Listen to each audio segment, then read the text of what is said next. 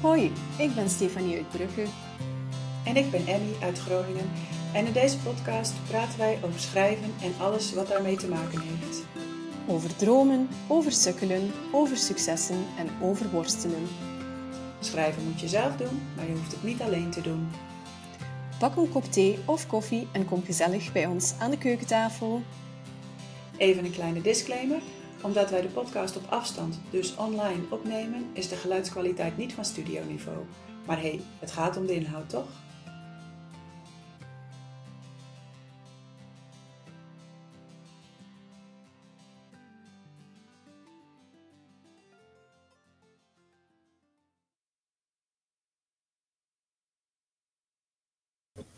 Yes, aflevering 18 alweer. En vandaag uh, hebben we weer een gast. En um, deze gast is eigenlijk best wel een bijzondere, want um, ik stel haar voor als Lorena Perez, maar dat is niet haar echte naam. Want we gaan het vandaag hebben over schrijven onder een pseudoniem. En het leuke is dat Lorena ook naar onze podcast luistert uh, en zelf op een bepaald moment aangaf van, goh, is het niet leuk als jullie een keertje dit onderwerp behandelen? En toen zeiden wij, ja, natuurlijk, maar wil je dan zelf de gast zijn? En dat wilde Lorena, dus uh, welkom Lorena. Dankjewel. Uh, normaal gesproken stel ik onze gast altijd eventjes uh, voor, maar uh, ja, dat is in jouw geval een beetje lastig, want behalve dat jij Lorena Perez als pseudoniem gebruikt en dat je schrijft, weet ik eigenlijk niks over jou. Um, dus zou jij zelf iets kunnen vertellen zonder te veel te vertellen natuurlijk?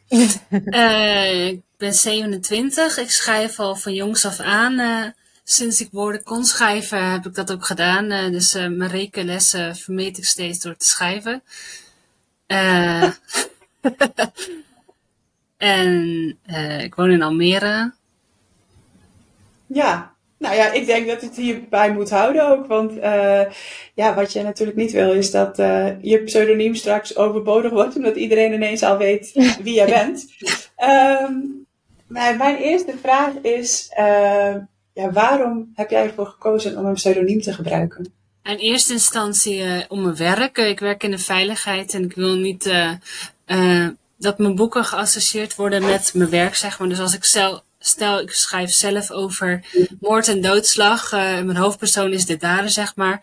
Dat mensen dan niet mij als schrijver als dader zien. Want dan kan het voorkomen misschien dat mensen je dan zien, ook zien als dader. En dat ze dan denken, waarom werk je dan in de veiligheid, zeg maar.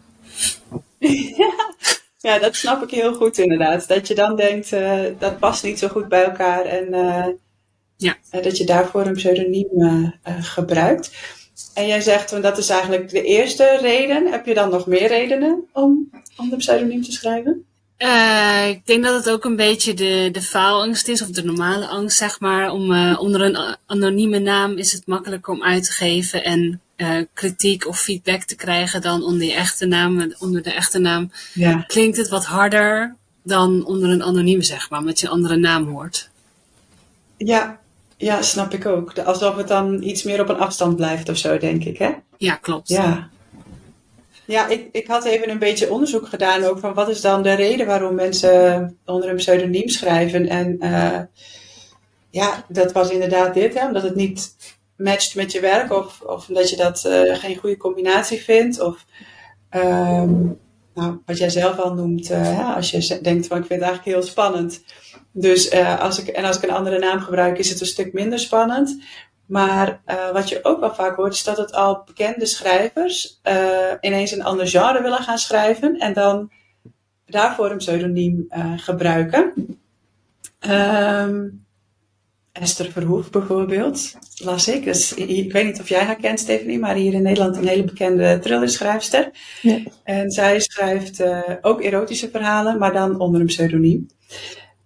Um, inmiddels is dat wel bekend. Dus ik weet niet, uh, Lorena, denk jij dat je altijd je pseudoniem gaat houden? Of denk je van, nou ja, misschien ga ik straks wel eens gewoon een keertje mijn eigen naam gebruiken? Uh, ik denk dat ik uiteindelijk ook wel je eigen naam uh, ga gebruiken. Omdat het toch, uh, ja, ik werk in de veiligheid. Dus ik weet, als je een valse naam opgeeft, is het strafbaar. Dus het is nog een beetje een tweestrijd, zeg maar. oh ja. ja. ik, weet, ik denk niet dat het gebruik van een pseudoniem strafbaar is, maar ik kan me wel voorstellen dat je dat het dan zo voelt of zo, hè? Omdat dat ook weer dan zo'n raakvlak met je werk heeft. Ja. ja. Ja, het, het is uh, wel grappig dat je dat zegt, omdat het voelt als liegen. Um, in het Grieks betekent uh, pseudestai ook liegen, dus dat is wel grappig. Maar uh, gelukkig is het niet strafbaar. Anders zouden er vele literaire misdaden begaan worden, denk ik. Ja, maar ik versta wel dat je zo um, die, die afstand neemt tussen jou en de lezer door een pseudoniem te gebruiken. Toen ik begon met schrijven, dacht ik ook echt, oké, okay, ik wil hier niets mee te maken hebben met dit boek. Ik wil niet dat iemand dit associeert met mij. Dit is niet mijn verhaal. Ik wil niet dat mensen dit denken. Dus ik weet dat dat in de eerste instantie heel hard leefde in mijn hoofd van, nee, niet doen, doe maar een pseudoniem. Gelukkig, tijdens het schrijfproces, we zijn nu al een jaartje, een half, twee jaar aan het schrijven, heb ik dat wel losgelaten en denk ik van, oké, nee, het is goed, ik ga dit onder mijn eigen naam doen. Dat is soms uh, een beetje een proces. Ik denk dat we veel redenen al aangehaald hebben van um, ja, waarom mensen onder een pseudoniem schrijven. Maar ik denk ook soms een soort economische bescherming. Als jij iets hebt uitgegeven onder jouw eigen naam, en dat was een gigantische flop, en iedereen zegt, oh ja, die Stefanie daar, man, wat een slechte auteur. Um, als je dan een nieuw boek wil uitgeven, is er een slechte connotatie, uh, of een negatieve connotatie met jouw naam, negatieve recensies. Mocht ik dan opnieuw uitgeven onder de naam Sophie, gaat niemand mij linken. Dus dat geeft een soort nieuwe start ook. Dus ik denk los van ja. eigen bescherming, of los van bescherming um, naar familieleden toe, of uh, professionele bescherming, dat een soort economische bescherming ook wel een reden kan zijn, niet? Ja, en jij noemt al uh, bescherming van familieleden. Dat is denk ik vooral als je autobiografisch schrijft. Hè? Dat, je, dat zie je ook vaak uh, dat mensen dan uh, pseudoniem gebruiken. Ja. Um, toch? En ik, ik ben ook benieuwd, Lorena. Dus jij schrijft onder een pseudoniem. Um, het lijkt me gigantisch moeilijk. Hoe, hoe deel je dat dan met, met vrienden of zo? Want op een bepaald moment wil je gaan delen wat je geschreven hebt. Je wilt toch een stukje laten doorschemeren ook op social media, want dat is een beetje marketing. Je wilt al mensen warm maken voor jouw idee.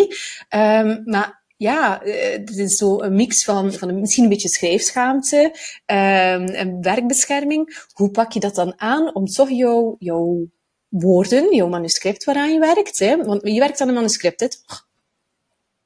Ja. ja, ik zie je knikken. Super. um, ja, hoe, hoe, doe je dat dan? Hoe praat je daar dan over met vrienden?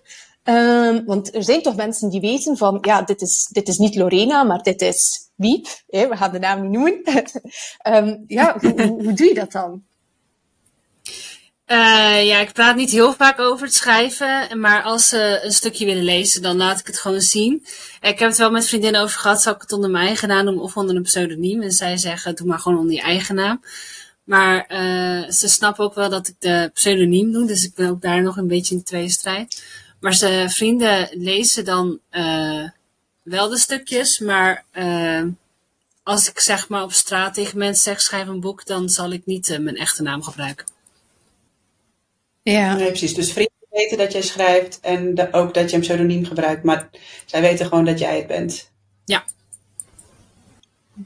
Ja. En uh, ik vroeg mij af, ik weet natuurlijk niet waarover jouw manuscript gaat, maar ik heb gelezen dat sommige mensen voor een uh, pseudoniem kiezen, omdat ze vanuit een ander geslacht schrijven. Bijvoorbeeld een vrouw die schrijft, maar die schrijft over een mannelijk personage, of een man schrijft over een vrouwelijk hoofdpersonage. En ze zijn dan bang dat als ze in de biep gaan lezen, ja, dit Tom die schrijft hier over Sophie, dat is raar, een man kan niet over een vrouw schrijven. Is dat ook iets wat dat speelt bij jou? Schrijf je over een, een, een mannelijk hoofdpersonage, of speelt dit echt niet mee?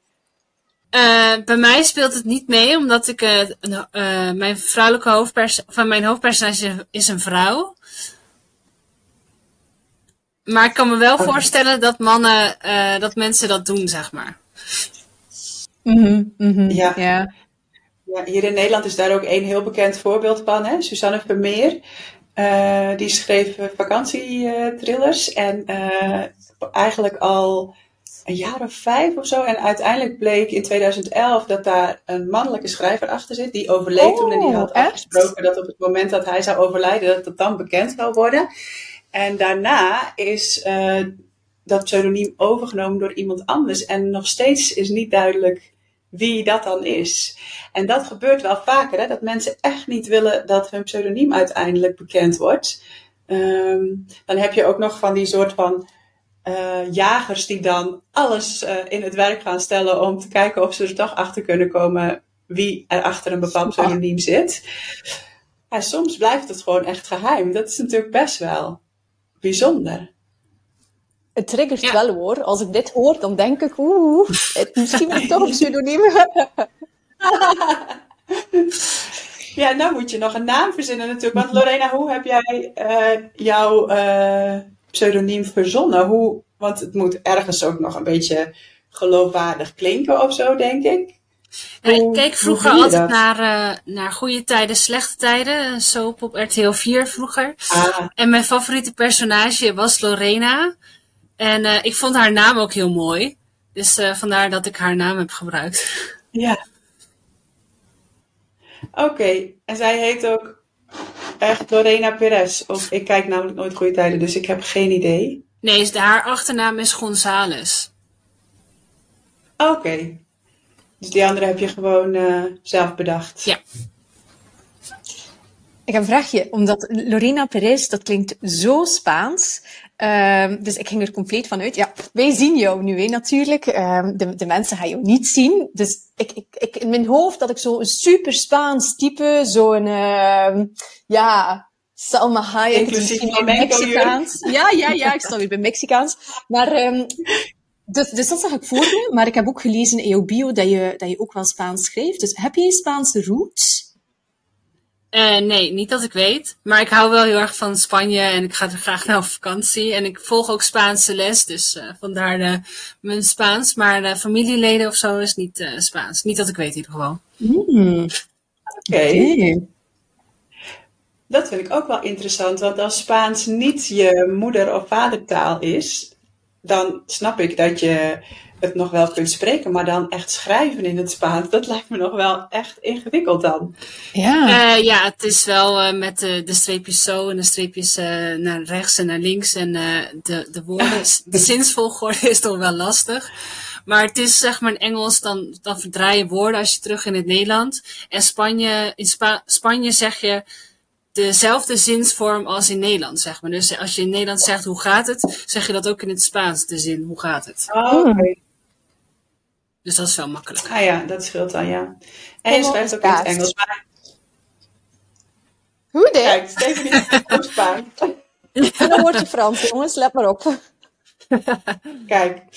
Um, maar jij bent nu, volgens mij las ik dat jij met twee manuscripten bezig bent. En schrijf je die dan in het Nederlands? Of? Ja. Ik schrijf, ik schrijf ze nu in het Nederlands. Oké. Okay. En kun je iets vertellen over je manuscripten? Waar, waar ben je mee bezig?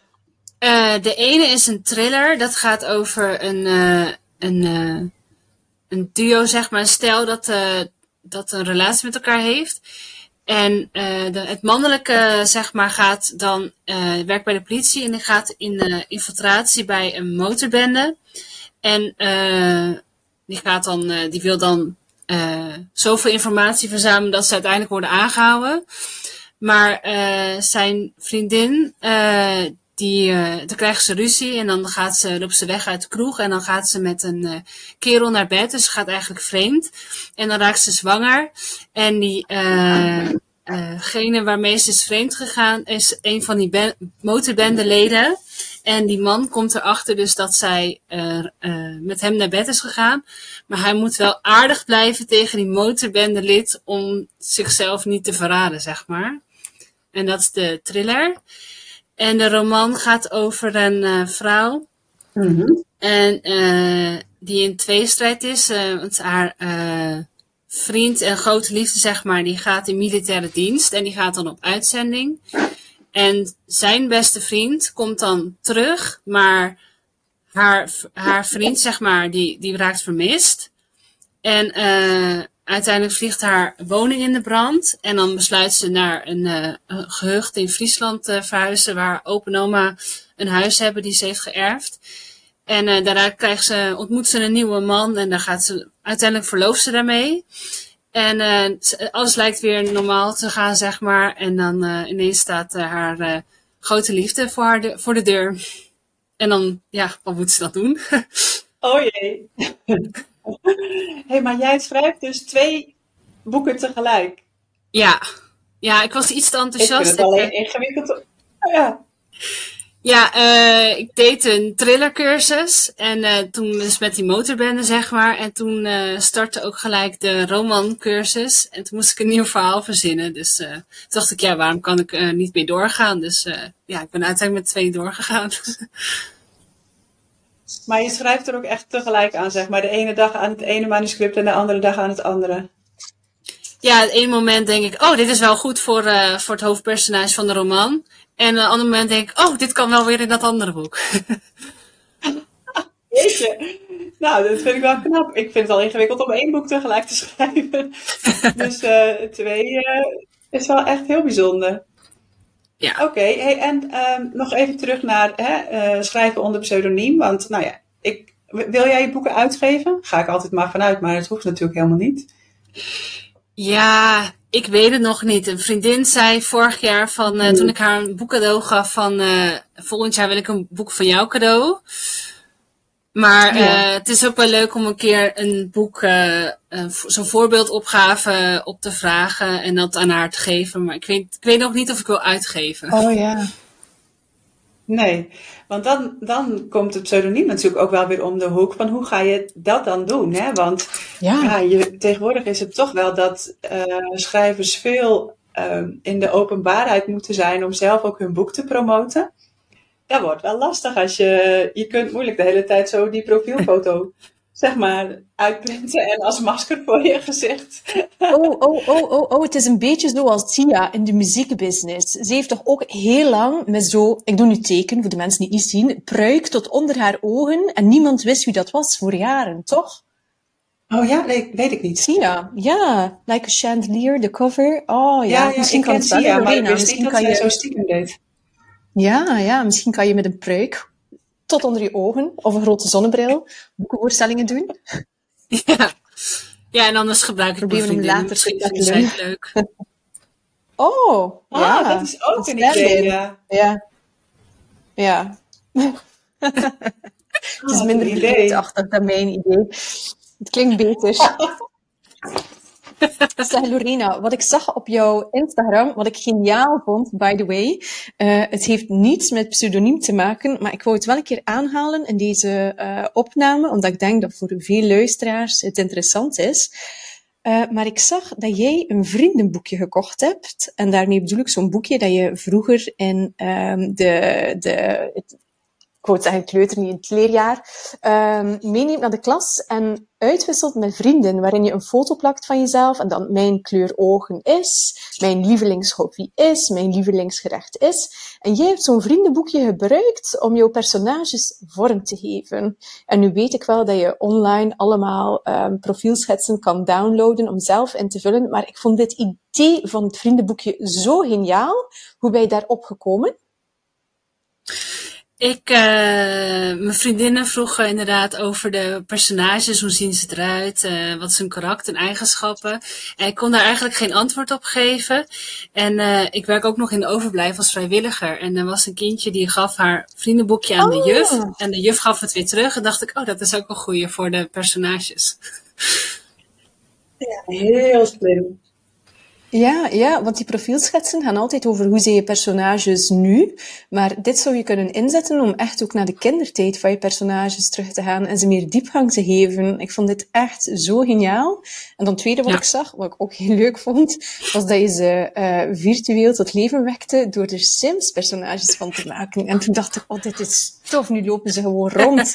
Eh, nu, ik heb geen Ja. Sims, maar ik, ik dacht bijna, ja, dit moet ik downloaden en ook doen. Echt een toffe, toffe tip die ik eh, uit jouw Instagram gehaald heb.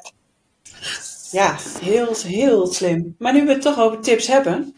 We hebben jou natuurlijk ook gevraagd eh, wat jouw ultieme tip voor andere schrijvers is. En jij had die al even naar ons opgestuurd. En jij hebt niet één, maar eh, eh, ik denk wel een stuk of zes tips. dus echt helemaal fantastisch. Dit is weer een hele waardevolle aflevering. Maar ja, brand los.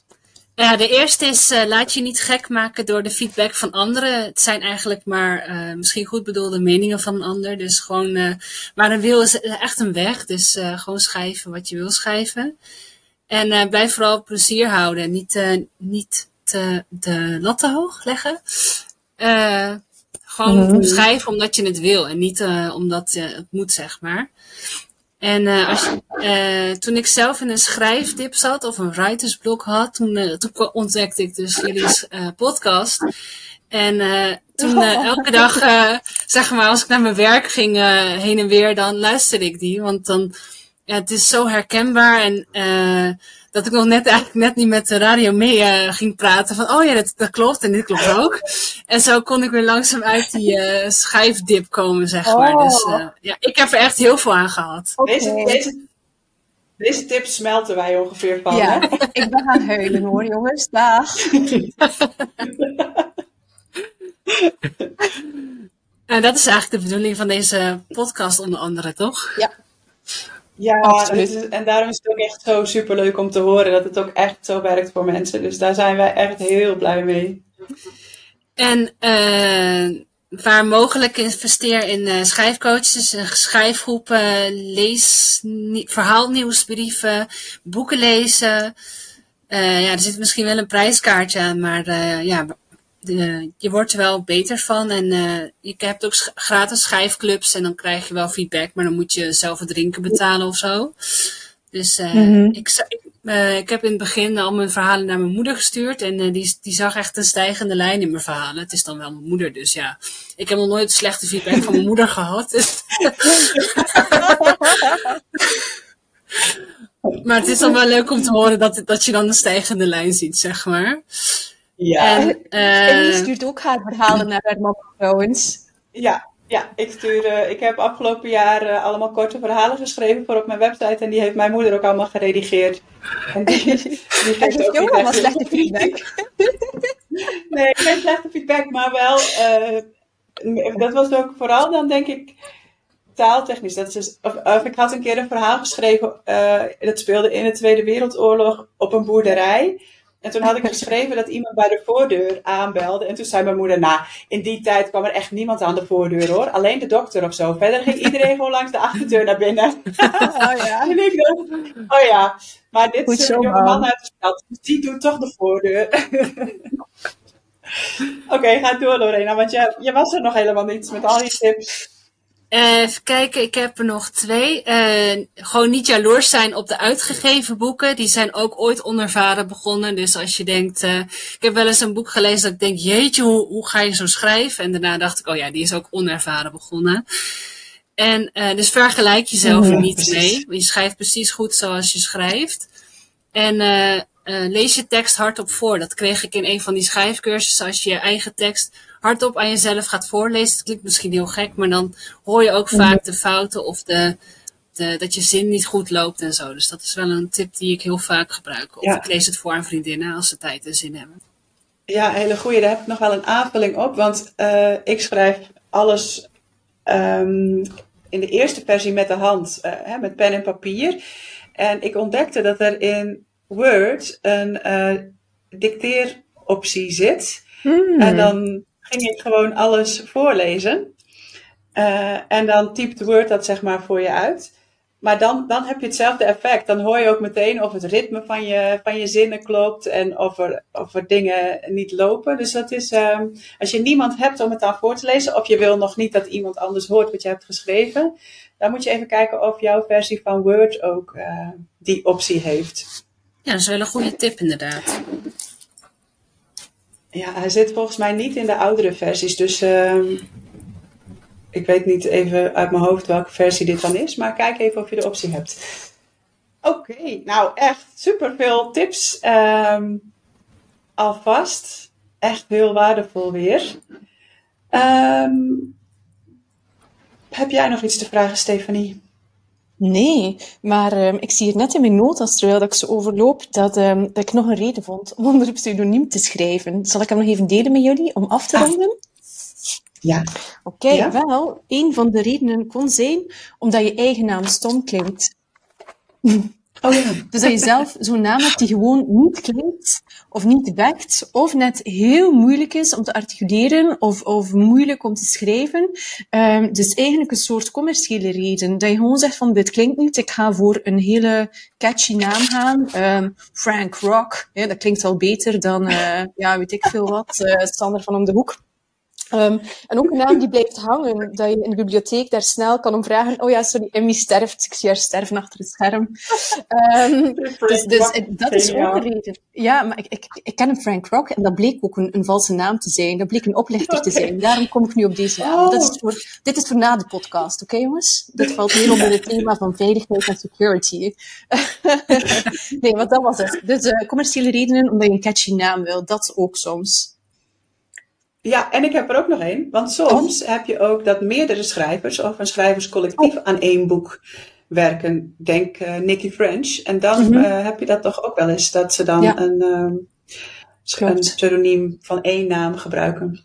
Ja, heel interessant. Nou, ik zou zeggen, Lorena, super bedankt om dit thema in onze school te werpen en ons uit te dagen om yes. daarmee aan de slag te gaan. Uh, het was zeer inzichtvol voor mij. Ja, zeker. Ontzettend bedankt. Uh, ja, dan uh, sluiten we bij deze, deze aflevering af en dan zien we jullie de volgende keer weer. Nee, horen jullie ons de volgende keer weer. Dankjewel voor het luisteren. Doei doei. Doei. Hey, leuk dat je weer geluisterd hebt. Luister je graag naar Schrijfpraat en wil je ons ondersteunen? Dan kun je doneren via petjeaf.com schrijfpraat. We zetten de link ook in de show notes. Je kunt ons ook helpen door een review te schrijven of een beoordeling te geven. Vijf sterren of zo. Daardoor komen wij hoger in de lijsten en help je nieuwe luisteraars om ons te vinden. Deel de podcast ook gerust in je netwerk of op social media en tag ons dan even. Wij vinden het superleuk om te weten wie je luistert.